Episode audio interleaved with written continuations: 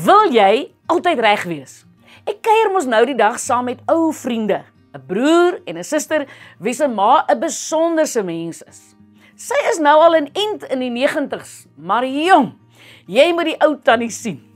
As sy begin stories vertel oor haar lewe, hang jou mond oop. En selfs dinge wat sy nou nog by haar ouete huis doen, laat jou wens jy kan so oud word. Maar toe begin die broer en die suster te stry.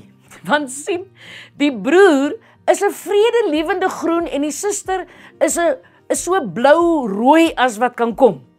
Die suster kla dat dat die ma haar feite verdraai. Daar was 15 mense by haar laaste verjaarsdagpartytjie, maar sy vertel vir almal dat daar 35 was. En dat die koektafel gekreun het onder die koek. Dis nie waar nie sê die suster vir haar broer. Ek het met 'n handjie vol goed van die tuisnywerheid af by die ouete huis gekom en ek was hele tyd bang dat dit nie genoeg sou wees nie. Ek was maar te bly dat die ou mense dit geniet het. Maar hoe kan ma soveel nonsens praat? Sy het selfs gesê dat sy so bly was dat oom Jim ook gekom het en ons weet almal dat hy op sy laaste is. Die ou oom was eers daar. Ek het gesit en lag oor die gestryery. Maar toe gebeur daar 'n wonderlike ding. Die broer het die suster se tirade uitgeluister. En weet julle wat doen hy toe? Hy strek bo oor my na sy suster toe en fluister in haar oor. Wil jy reg wees of wil jy 'n verhouding met ma hê? Julle, dit was vir my 'n groot les, want sien, ek het ook mos 'n skeet rooi in my. Dit kan my ook soms irriteer wanneer mense stories en feite verdraai. Maar ek het daar gesit en dink, ou groene, vandag leer ek by jou 'n groot les.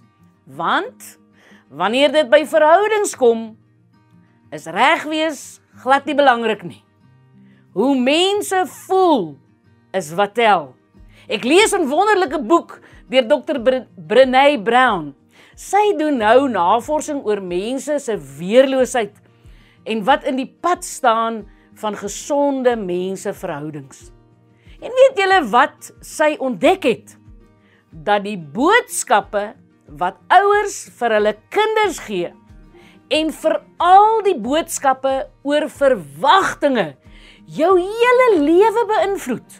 Sy sê sy sê dat mans en vroue van van alle ouderdomme van 18 tot 68 sê sy nooit hierdie boodskappe uit hulle kindertyd vergeet nie. Hierdie verwagtinge het meestal te maak met reg wees. Volmaak wees, dinge so te doen dat ek op jou sal trots wees, dat jy ons familie naam sal hoog hou. Ken julle sulke boodskappe? Hm? Ken julle dit? En as die kind nie gereeld genoeg gehoor het dat hy goed genoeg was nie, loop hy met 'n kneusplek in sy siel rond tot op sy ou dag. En wat dit erger maak, is dat hy hierdie patroon in sy huis en in sy werksplek herhaal.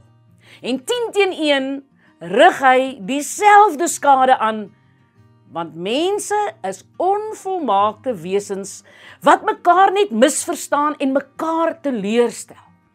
En so praat sy van 'n ma wat elke keer wanneer haar volwasse dogter kom kuier het, 'n opmerking oor haar gewig gemaak het.